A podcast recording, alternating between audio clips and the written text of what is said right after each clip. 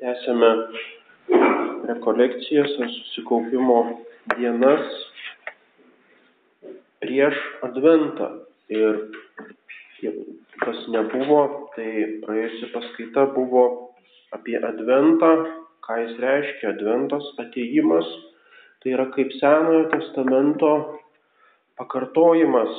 Mes esame Naujame testamente, tačiau Advento laikas mus lyg gražina į tuos laikus iki Jėzaus Kristaus ateimo tam, kad sustiprintų mūsų viltį.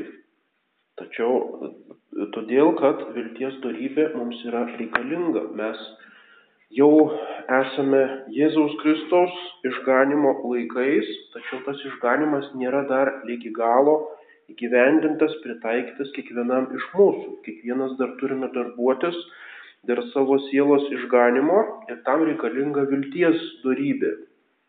Kaip žinome, kai bus galutinai pasiektas išganimas danguje, iš tų trijų teologinių darybių - tikėjimas, viltis, meilė - išliks tik tai meilė. Tikėjimas ir viltis jos, jos reikalingos tik tai šitame žemiškame gyvenime, kadangi amžinybėje veidas į veidą regėsime Dievą ir tada tikėjimas nebus reikalingas.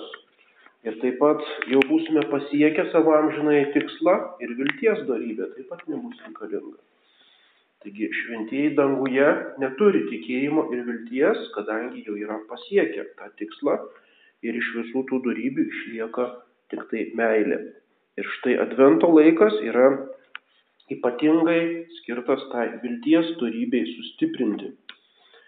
E, primename sąlygas bet kokių rekolekcijų, tai yra susikaupimas, vidinis ir išorinis susikaupimas, tai yra išjungti telefoną, išjungti kažkokius elektroninius prietaisus, atsiriboti trumpam nuo visų blaškančių minčių, negalvoti apie darbą, negalvoti apie kitus dalykus, e, leisti savo tą prabangą, bent kuriam laikui, mano siela ir Dievas, e, mąstyti apie tuos amžinus dalykus.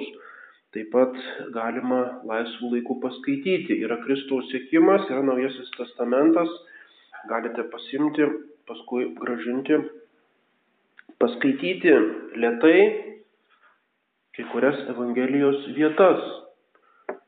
Tai yra vadinamas dvasinis skaitimas arba lekcijų divina arba dieviškasis skaitimas, kuris skiriasi nuo paprasto skaitimo, kur mes norime naujos informacijos, kur norime kažką tai sužinoti, tada daug skaitome gauname tas žinias, o tas dieviškasis skaitimas tai yra apmastantis skaitimas, kur svarbu ne kiekybė, o kokybė.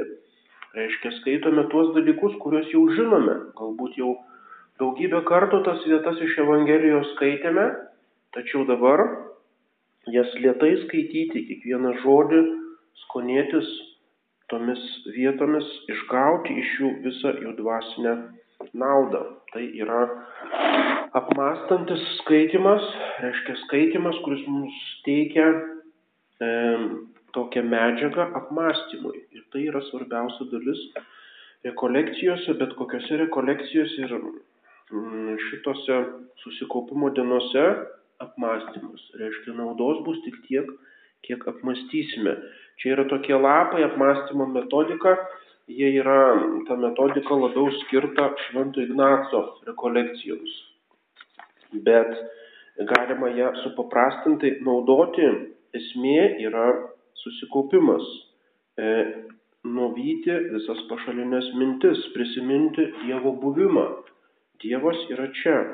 Kur yra Dievas?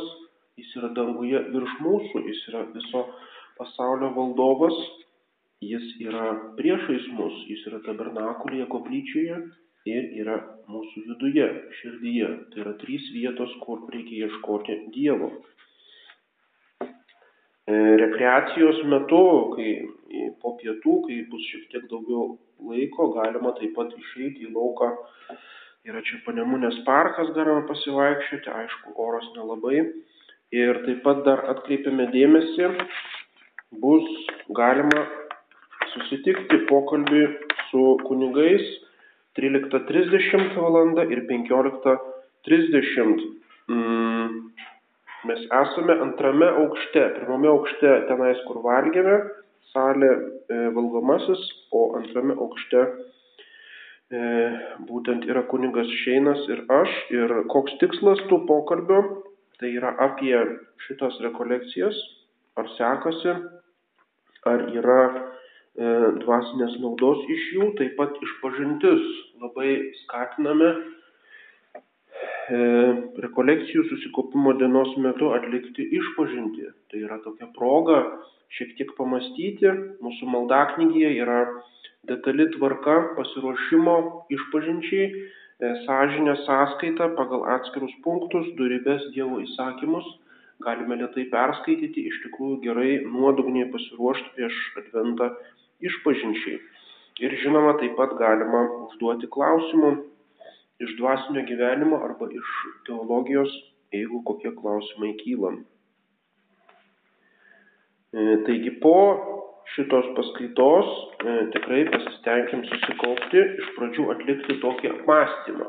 Taigi skirti bent 20 minučių ar 30 apmąstymui tą temą, apie kurią yra ta paskaita, o paskui jau galima kažką tai kitką skaityti, bet būtent geriau skaityti tas bazinės e, Naująjį Testamentą, Kristaus sėkimą, ne kažkokias savo atsivištas ar kažkokius ypatingus tekstus.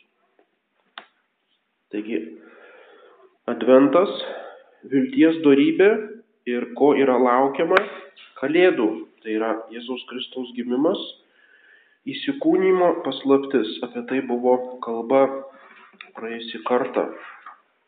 Ir štai dabar ant šitos paskaitos tema angelo apreiškimas Marijai. Tai yra tas istorinis įvykis, kurio metu įvyko įsikūnymas. Ką mes dabar darysim? Tiesiog perskaitysim tą tekstą, tiesiog kas tai yra. E, prisiminsim tos dalykus, kuriuos jau žinome nuo pirmo katekizmo laikų galbūt, bet tiesiog pamastysim apie tai.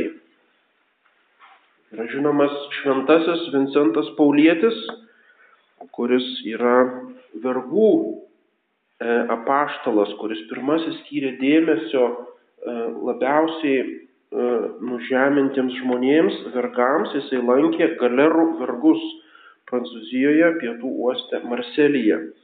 Ir čia jis pamatė vieną liūdną vergą, pasidomėjo juo, jisai sako, aš turiu žmoną ir vaikų, jie liko toli, o aš čia parduotas kaip vergas. Vergais tapdavo arba karo metu, kaip belaisviai, arba dėl skolų, arba nusikalteliai. Ir Vincentas nuėjo pas galeros savininką ir pats pasisiūlė tapti vergu, kad tik tas žmogus būtų paleistas. Ir savininkas sutiko, Vincentas stojo į jo vietą, e, tačiau greitai jo kiti žmonės ėmė ieškoti, išaiškėjo, kad tai yra žymusis kunigas, Vincentas Apaulo ir jis buvo paleistas be išpirkos, taigi vergo vietą užėmė artimo meilė. Ir taip atsitinka kiekvieno iš mūsų gyvenime. Dievo sūnus prisima vergo vietą, kad vietoj mūsų atliktų bausmę. Tai yra tiesioginė, reiškia, ką darė šventas Vincentas Paulietis, jis atliko atpirkimą. Atpirkimo aktas jau iš Senojo testamento atperkamas tas, kuris negali pats už save sumokėti skolų arba kainos. Tai yra atpirkimas. Mes esame šito pasaulio kunigaikščio vergyjoje, mes esame velnio nelaisvėje ir mes negalime išvaduoti savęs patys savo jėgomis, tam reikalingas atpirkėjas, išvaduotojas Jėzus Kristus Ir jis tai daro ne tik tai apskritai dėl visos žmonijos, bet dėl kiekvieno atskirai.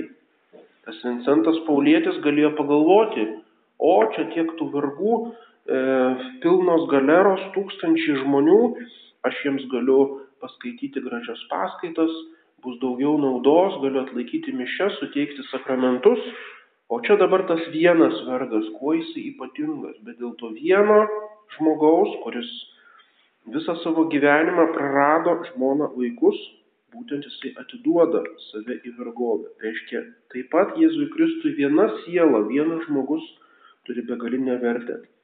Visi teologai ir šventieji sako, net dėl vieno nusidėlio Jėzus e, Dievo sūnus būtų įsikūnijęs, būtų prisėmęs žmogaus prigimti ir pakėlęs, pakėlęs kryžiaus kančią. Taigi atpirkimo darbas prasidėjo įsikūnymu. Kiekvieną dieną, rytą, per pietus ir vakare yra kalbamas arba bažnyčia ragina kalbėti viešpatės angelą. Tai yra ypatinga tokia malda, iš esmės toks kaip mini brevijorius, galima sakyti, pasauliečiams, kunigai turi septynis kartus per dieną, turi maldas, psalmių maldas, vadinasi brevijorius. O štai pasauliečiams, kad bent iš ryto per pietus vakare bent tris kartus prisimintų Dievą, yra pranciškonų tradicijoje ir vėliau popiežių patvirtinta įvesta viešpatės angelo malda. Taigi skatiname prisiminti tą pamaldumą, tą trumpą maldą viešpatės angelas, būtent, kad prisimintume pirmiausia Dievo sūnaus tapimo žmogumi įvykį. Tai yra toks apskritai paraginimas prisiminti kasdienę maldą, kaip yra su mano ryto ir vakaro maldomis. Teko būti Maskvoje e, kaip tik prieš E, Velykų laiku. Ir e, važiavom troleibusu pro tokią cerkvę.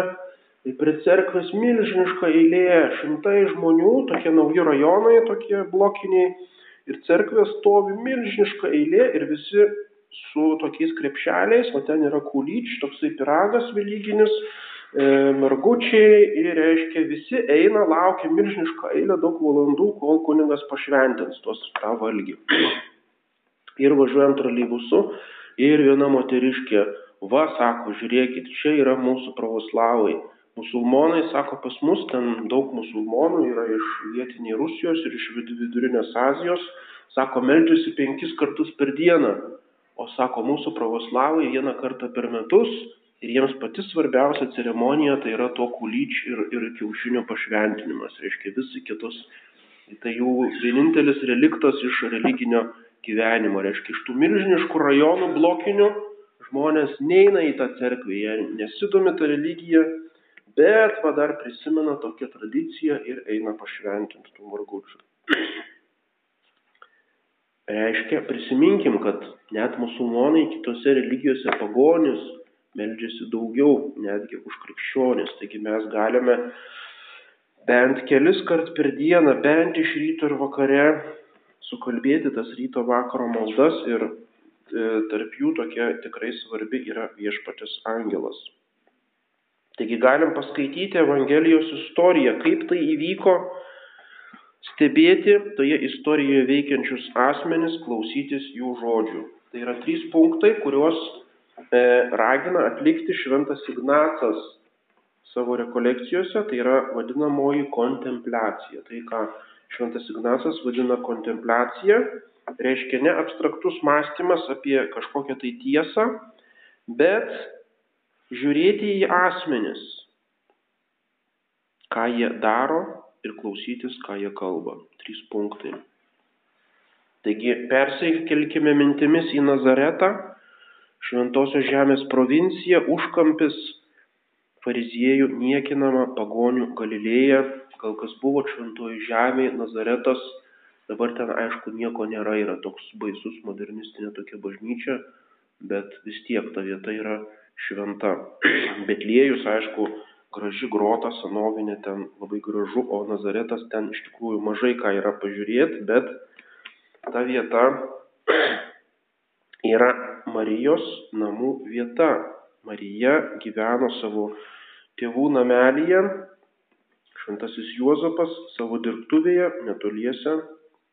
Juozapas dirba staliaus darbus, Marija rūpinasi namais.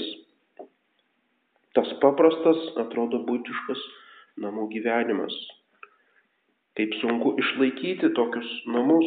Juozapas turi keliauti į statybas, netoli nuo Nazareto buvo statomas tuo metu toks naujas, e, naujas miestas ir būtent jis tose statybos staliaus darbuose dirbo. Ir aišku, Juozapas ir Marija, kaip visi teisėjai arba tie pamaldus žydai, laukia išganytojo, kuris išgelbės jų tautą ir visą žmoniją iš nuodėmių. Turi pasirodyti tasai išganytojas, kada jisai ateis. Mergelė Marija, jinai buvo paukota šventykloje ir kaip tikima, jinai tenais gavo e, tą išsilavinimą, jinai skaitė Senojo testamento knygas ir aišku žinojo tas pranašystes iš Senojo testamento, apie kurias buvo praėjusioje paskaitoje, girdėjo taip pat iš kunigų šventykloje ir jos vienintelė svajonė buvo, o kad aš sulaukčiau to laiko, kada ateis Mesijas. O galbūt aš net galėsiu pamatyti jį, galėsiu pamatyti jo motiną. O galbūt gal net galėsiu jai patarnauti, tai buvo aukščiausia svajonė, kuri, e, kurią jinai savo leido. Ir Marija net negalvojo, kad Dievas ją pačią išsirinks išganytojo motiną. Taigi tas laukimas, ta vilties darybė. Šventosios vilties motina. Iš jos galime mokytis pirmiausia vilties. Įsivaizduokime tuos namelius, maža lova, skrinė drabužiams, paprasti indai, ugniavietė, virš ugnies kabo kažkoks puodas, valgiui virti, namuose kepama duona, verpstė, siūlams verpti, girnos, grūdams malti. Iš tų miltų minkydavo tešlą, kepdavo duoną, iš šulinio neždavosi vandens. Ir štai, kaip dažnai vaizduojama tose e, viduramžių paveiksluose, ką Marija daro. Jis atsisėdusi verpė. Tas verpimas yra kaip įsikūnymo simbolis. Reiškia, Marija formuoja tą šventyklos uždangą arba formuoja būsimą išganytojų kūną. Ir štai atliekant tą verpimo darbą, taip pat melžiantis tuo darbo metu, regėjimas, jinai mato tą nepaprastą pavydalą apsireiškusi arkangelą Gabrielių, spindintis, spindinti e, nepaprasto grožio viziją. Jis iš pradžių išsigando, kas tai yra, Net jos sužadėtinis Juozapas, kaip tikima, gyveno atskirai. Tas jos namelis buvo kaip vienuolyno klauzūra, į kurią niekas neįeidavo. Ir štai dabar Dievo angelas tose namuose, kuris sveikina ją, sveika Marija, malonės pilnoji viešpats su tavimi. Tie pirmieji žodžiai, iš kurių kiekvieną galima apmastyti Sveika Marija, būk pasveikinta, malonės pilnoji, arba graikiškai kecharitomene, e, malonėmis apdovanotoji, pripildytoji visų malonių, viešpats yra su tavimi. Reiškia, giliausia prasme yra su tavimi, yra visiškai, e, tu atitinki viešpatės valią, viešpats yra vienybėje su tavimi Išgirdusi tuos žodžius, jinai sumišo ir galvojo savo, ką reiškia toks sveikinimas. Aš esu paprasta mergaitė šitame Nazarete, šitoje Izraelio žemėje, ką tai reiškia, kodėl pas mane ateina angelas. Ir ką reiškia tie jo žodžiai, kuo aš e, išsiskiriu, kodėl man yra siunčiama kažkokia žinia. Kodėl jis kalba, kad esu malonės pilnoji?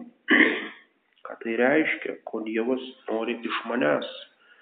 Jis iš kuklumo nieko nesako, jinai visą tai tyliai svarsto savo širdyje, taip kaip vėliau darys per visą Evangelijos istoriją, kelis kartus skaitome, kad jinai nekalba, jinai nediskutuoja, bet jinai svarsto savo širdyje. Kas yra svarstyti širdyje, tai yra apmąstymas, tai yra meditacija arba kontempliacija. Būtent tai yra pamoka mums, turime svarstyti savo širdyje dalykus, kurie yra esminiai, kurie yra svarbiausi. Svarstymas, e, apmąstymas, skonėjimasis, visi tie žodžiai reiškia būtent tą giliausią, aukščiausią sielos veiklą, kur yra labiausiai prasminga. Ne kažkokios informacijos vartojimas, ne kuo daugiau naujų dalykų sužinoti, smalsiai kažką tai ištirti ar sukaupti kažkokias didelės žinias, bet svarstyti tuos dalykus, kurie yra esminiai. Koks yra mano gyvenimo tikslas, koks yra mano pašaukimas, juk toks kaip angelas, aišku, pas mus neteina, bet kiekvienas iš mūsų turime tokį pašaukimą. Pas kiekvieną iš mūsų ateina Dievas labiau išreikštų pavydalų ar mažiau ir sako, sveikas, tu esi tam kažkokiam dalykui pašauktas, tu esi paskirtas tam tikrai misijai, kiekvienam yra tasai skirta. Ir pažinti tą Dievo valią, tos Dievo kelius savo gyvenime. Ką aš turiu daryti, koks yra, kokios yra priemonės, kad pasiekčiau savo amžinai tikslą, išganimą. Kam reikalingas tas angelo siuntimas pas Mariją? Ar visagalis Dievas negalėjo kitaip įvykdyti savo nutarimo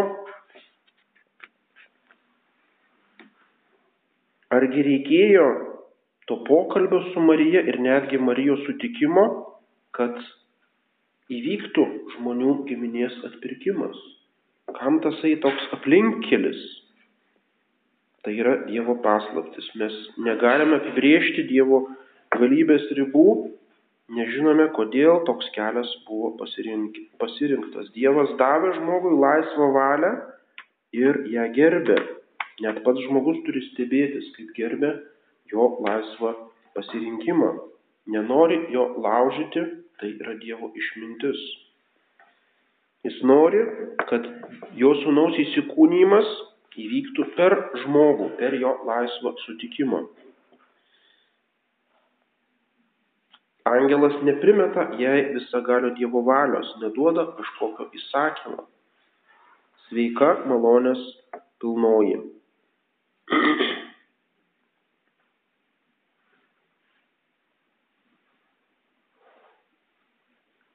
Tai yra paralelė su žalčio kalbėjimu Ievai. Bažnyčios tėvai lygina Mariją Ievą. E, abidvi yra nekaltai pradėtosios. Ieva be nuodėmės e, buvo visiškai šventa ir Marija nekaltai pradėtoji. Ir abi dvi susitinka angelą. Mergeliai Marijai angelas pasirodo tokio jaunuolio vyro pavydalu, Dievai velnės pasirodo žalčio pavydalu. Abi dvi yra užkalbinamos. Ir mergeliai Marijai, žinoma, dėrėjo kalbėtis su geruoju angelu, o Ieva pirmas jos blogas žingsnis buvo, kad jinai įsivėlė į dialogą, į pokalbį su žalčiu. Kokia yra Marijos reakcija, kokia yra Jėvos reakcija. Marija viską svarsto savo širdyje, jinai nusi, e, nusigasta, jinai pilna nuolankumo ir kuklumo. Jėvos reakcija yra puikybė. Jis smalsiai klausosi tų žodžių, jinai priima tą puikybės dvasę, būti taip kaip Dievas. Ir Marijos klausimasis veda į išganimą, Jėvos klausimasis veda į mirtį. Angelas jai tarė, nebijok Marija, tu radai malonę pas Dievą. Štai tu pradėsi iššios ir pagimdysi sūnų, kurį pavadinsi Jėzumi. Jisai bus didis ir vadinsis aukščiausio sūnus. Viešpas Dievas duos jam jo tėvo Dovido sostą, jis viešpataus Jokūbo namuose per amžius ir jo viešpatavimui nebus galo.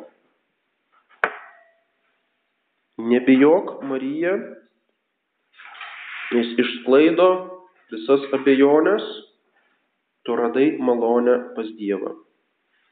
Tu esi malonės pilnoji ir dabar radai dar vieną ypatingą malonę.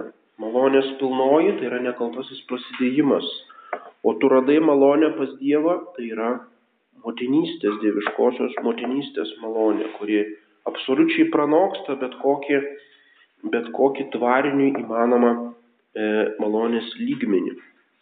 Tu pradėsi iščias ir pagimdysi sūnų ir pavadinsi jį Jėzumi. Jėzus Dievas gelbsti.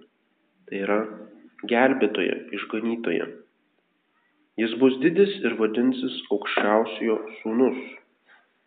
Patvirtinama, kad jis bus žmogus, reiškia, tu pagimdysi sūnų, jis bus žmogus, kaip žmogus jis vadinsis Jėzus iš Nazareto, tačiau jis yra aukščiausio sūnus, jis yra Dievo sūnus, jis yra antrasis švenčiausios trybės asmuo.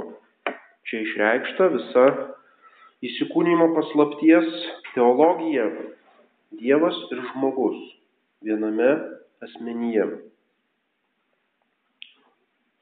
Viešpats Dievas duos jam jo tėvo Dovido sostą. Jis yra pagal motinos liniją Dovido palikuonis. Ir matome, kad pirmas dalykas, kas yra pasakoma apie šitą sūnų, ne kad jisai išganys žmoniją, ne kad jisai bus kunigas, kuris pasiaukos už žmoniją, ne kad jisai bus pranašas ar mokytojas, kuris mokys visus ir atneš tiesą ir šviesą reiškia tik, tikrosios tiesos šviesą žmonijai, bet kalbama apie karalystę, karališkumą. Reiškia, matome, kaip Naujasis testamentas pabrėžia karališką kilnumą mesijo. Žinome, mesijas, mašijach reiškia pateptasis, o patepami Senajame testamente yra kunigai, pranašai arba mokytojai ir karaliai. Tai yra trys tarnystės, Jėzaus Kristaus tarnystės. Jis yra kunigas, jis yra mokytojas ir yra karalius. Ir štai tame apsireiškimo įvykyje, apreiškimo įvykyje pabrėžiama iš visų trijų tarnyščių būtent ta karališka tarnystė.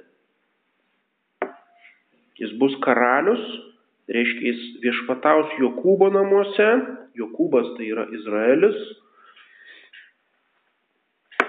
Ir tai yra kaip naujojo Izraelio steigimas, tai yra katalikų bažnyčia kaip naujoji išrinktoji tauta, naujasis Izraelis. Ir juose viešpataus per amžius, jo viešpatavimui nebus galo. Tai yra kalba apie tai, ką vėliau Jėzus Kristus nuolat pabrėžia. Karalystė, mano tėvo karalystė arba mano karalystė, dangaus karalystė, dangiškoji Jeruzalė. Apie tai Naujame testamente nuolat kalbama. Reiškia, bažnyčia Jėzus Kristus pamini tik tai vieną kartą Naujame testamente. Vėliau apie tai apaštalai rašo apie bažnyčią. O Jėzus Kristus kalba apie karalystę, Dievo karalystę, Jėzus Kristaus karalystę. O ką reiškia karalystė? Tai reiškia, kad yra kažkoks valdovas, kad yra autoritetas, kuriam aš turiu nusilenkti, kurio šlovę ir didybę ir majestotą turiu pagarbinti kurio, kurio valdžiai turiu paklusti, kuris leidžia įstatymus ir tų įstatymų privalau laikytis, ar jie man patinka ar nepatinka. Reiškia, savo gyvenimą ir savo valią aš turiu palengti kažkokiai aukštesniai valiai ir aukštesniai valdžiai, kuri yra analogiška su politinė valdžia. Karalystė tai yra iš politinės sferos savoka. Ir štai šitą savoką Dievas, Jėzus Kristus kaip pirmąją, kaip svarbiausia naudoja savo išganimo tos tvarkos ekonomijos būtent apibrėžimui. Reiškia, visa ta krikščionybė nėra tokia Jėzaus mylėtojų klubas arba tokie žmonės, kurie laisvai skaito Evangeliją ir semėsi iš ten pamaldžių gražių minčių ir savo laviruoja gyvenime, kaip jiems paskui sekasi. Ne, mes esame karalystės piliečiai, mes privalome paklusti Jėzaus Kristaus įstatymui. Kas myli mane, klauso mano įsakymų, sako Jėzus Kristus.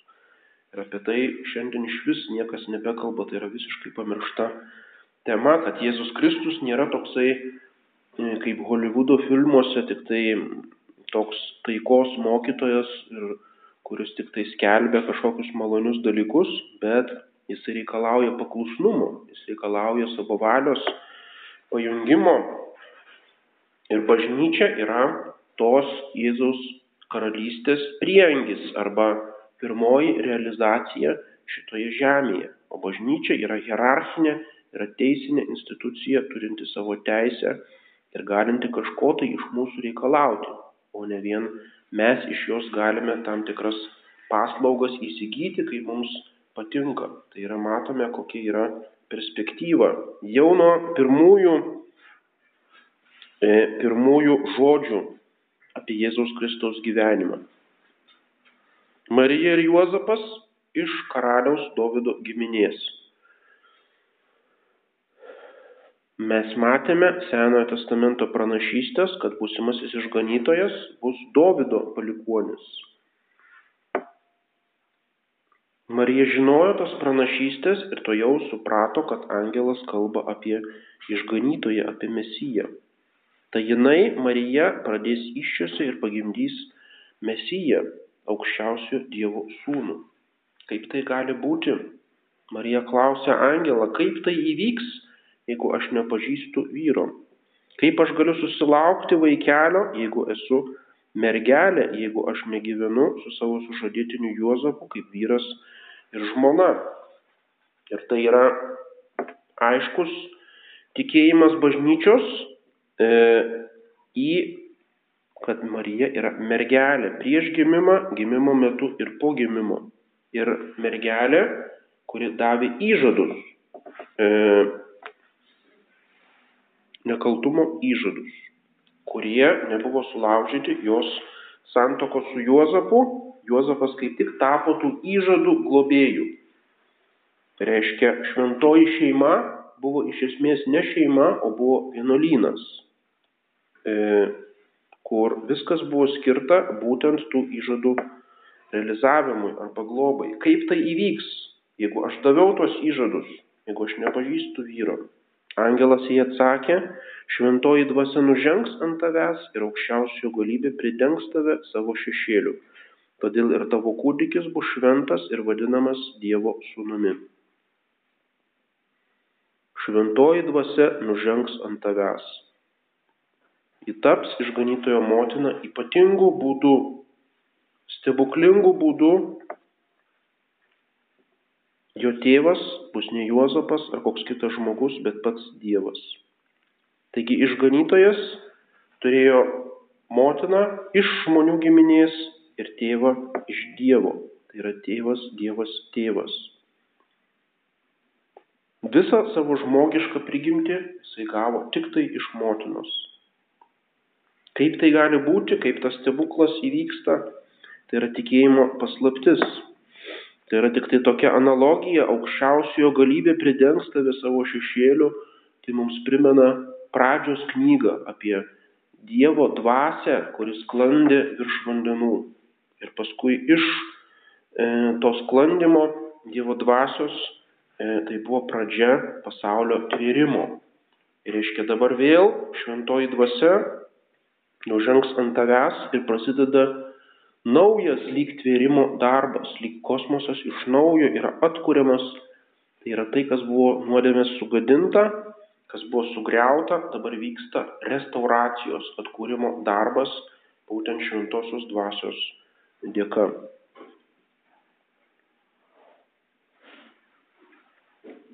Kaip tai įvyks, kaip tai įmanoma, Marija nieko neklausinėja, jinai neklausia kažkokių detalių, ji patikė Dievo žodžiu, perduotų per arkangelą Gabrielių.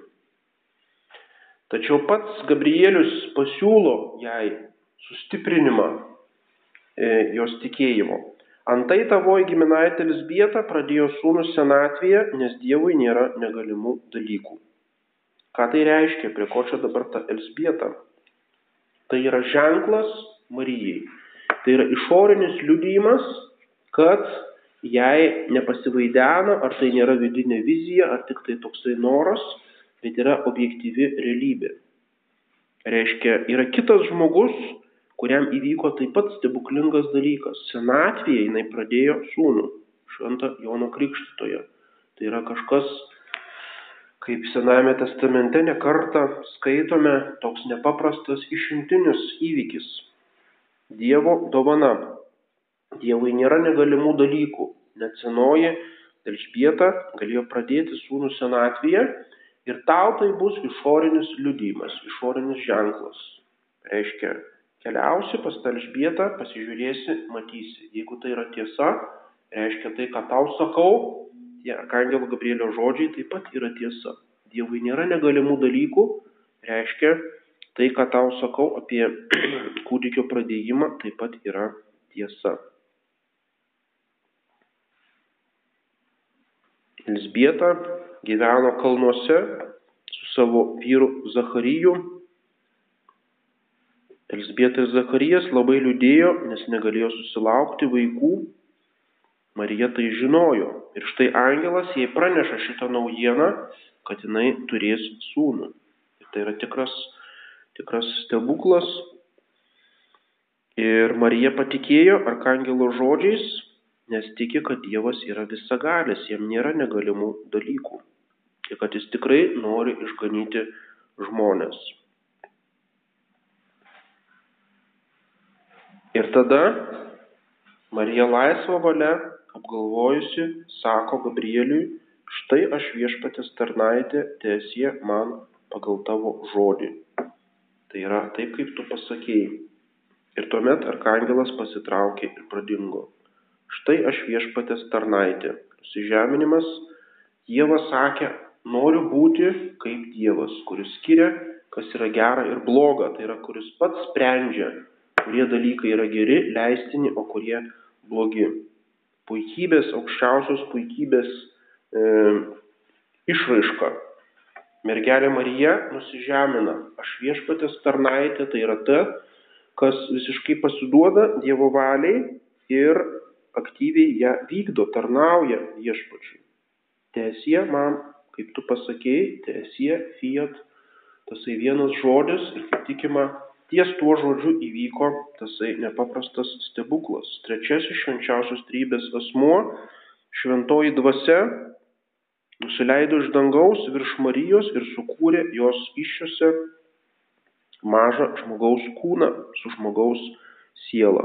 Ir tuomet antrasis švenčiausios trybės asmuo, Dievo sūnus, nusileido iš dangaus, susijungė su tuo mažučiu žmogumi. Tai yra įsikūnymas, kur Dievas susijungia su visa žmogaus prigimtimi - kūnas, kraujas, siela ir dievystė. Dievo sūnus tapo tikrų žmogumi. Ne tik tai atrodo kaip žmogus, ne tik tai tam tikrą pavydalą prisijėmė, bet tapo iš tikrųjų žmogumi. Kūnas ir siela, protas ir valia ir netgi jausmai, kaip vėliau skaitėm, skaitome Naujame testamente, Jėzus ir džiaugiasi, ir verkė, ir jautė baimę ir siaubą, visą tas jausminis, net žemasis sielos lygmuo taip pat jame buvo aišku, be nuodėmės, buvo aukščiausiame, tobuliausiame lygyje. Bet jis buvo tikras žmogus, tapo vienu iš mūsų, nusižemino lygi tvarinio lygmens. Ir štai šitas Dievas žmogus apsigyveno savo mergelės motinos iššiose kaip šventykloje, ėmė laukti savo gimimo.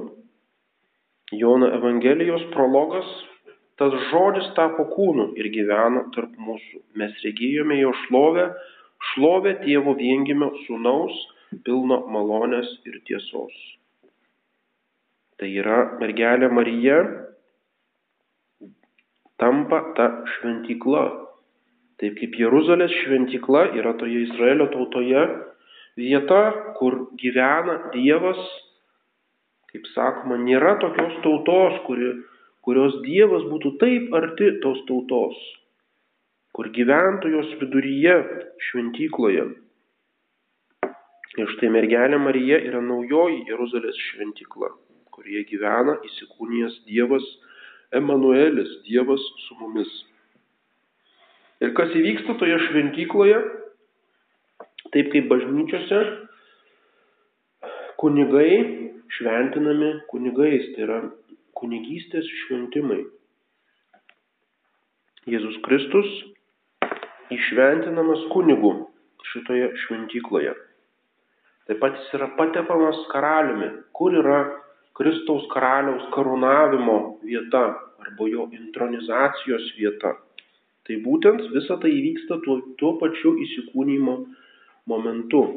Jis yra patepamas, tas patepimas, e, reiškia Senojo testamento, karaliai, kunigai, pranašai patepami aliejumi, aliejus išpilamas ant galvos ir tas patepimas yra ženklas, išorinis ženklas, kad šventoji dvasia, Dievo dvasia, nusileidžiant jų ir suteikia jiems tuos įgaliojimus, tą nepaprastą galę. Ir štai dabar šventoji dvasia patepa tą sukurtą naują žmogaus e, asmenį, patepa, suteikia jam patepimą kunigišką, e, karūnuoja jį karaliumi ir patepa pranašu. Jis dar negali vykdyti tų funkcijų, tų tarnyščių, tačiau jau jis yra tikras kunigas, tikras karalius ir tikras pranašas. Ir dar vienas aspektas, tasai teesie. Teesie tai yra sutikimas ne tik tai su tuo, kad Dievas taps žmogumi, kad e, įsikūnys joje, jos iššiose, bet taip pat sutikimas su visomis pasiekmėmis.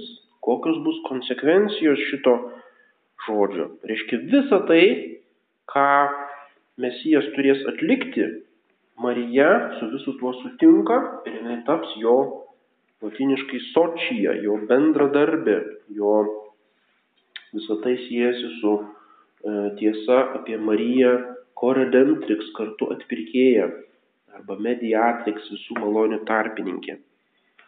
Reiškia, mergelė Marija tuo pačiu žodžiu sutinka ne tik tai su įsikūnymo stebuklu, bet sutinka su visa išganimo tvarka, kurios jinai dar nežino, galbūt nutuokia, galbūt žino iš Senojo testamento pranašyščių, kad Mesijui teks keliauti po Palestinos žemę, kad reikės mokyti žmonės, reikės tiek daug vargti dėl žmonių, kad paskui reikės e, kentėti, būti nukryžiuotam, mirti, prisikelti, įžengti į dangų ir taip toliau. Visa tai ir paskui visa bažnyčios istorija, kad jisai bus vienų žmonių mylimas, priimamas, o kitų žmonių niekinamas, vėl iš naujo kryžiuojamas nuodėmėmis iki pat pasaulio pabaigos. Visa ta drama, išganimo drama yra įjungta būtent į tą žodį teesie. Marija su visu tuo sutinka. Tai yra, e, galime spėlioti, kiek samoningai jinai žinojo visą tai. Galbūt jai buvo duotas apšvietimas toksai, kad jinai iš tikrųjų žinojo, su kokiu milžinišku dalyku, su kokia kančia jinai sutinka, kad jinai turės tapti sopulingąją Dievo motiną, kaip vėliau Simeonas šventykloje pabrėžė, ar jinai tuo momentu žinojo. E, toje bažnyčios pamaldumo tradicijoje yra garbinami septyni Marijos sopuliai ir septyni Marijos džiaugsmai.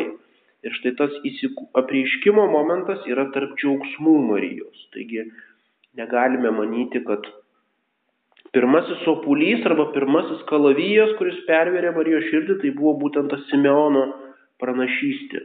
Tai galime taip manyti, kad vis dėlto tas apreiškimas tai buvo džiaugsmas Marijos širdžiai, tai nebuvo tasai kalavijas, tačiau vis dėlto tame žodėje tiesie yra sutikimas ir su būsimais kalavijais, ir su būsimais, e, būsimomis kančiomis, su ta jos, e, to jos vaidmeniu kartu atpirkėjos, reiškia bendradarb, bendradarbės, Jėzaus Kristus bendradarbės visame jo išganimo darbe.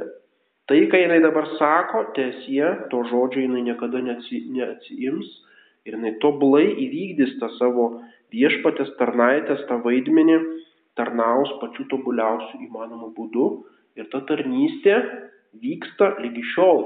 Jis yra kaip karalienė šalia Kristaus karaliaus danguje, jinai užtaria mus, e, išprašo mums visas malonės, tarpininkauja malonės, reiškia tą savo viešpatės tarnaitės funkciją, jinai toliau vykdo iki pat šių laikų. Ir tas tiesie tęsiasi ir jame yra įtrauk, esame įtraukti kiekvienas iš mūsų. Apmastykime tas paslaptis, tos paprastus žodžius Evangelijos, išgaukime iš jų dvasinę naudą ir taip pat, kad taip pat išmoktume tos vilties darybės ir išmoktume savo gyvenime sakyti, te esie visam tam, visai tai visiems tiems dalykams, kuriuos suvokime, kad tai yra Dievo valia mūsų gyvenime.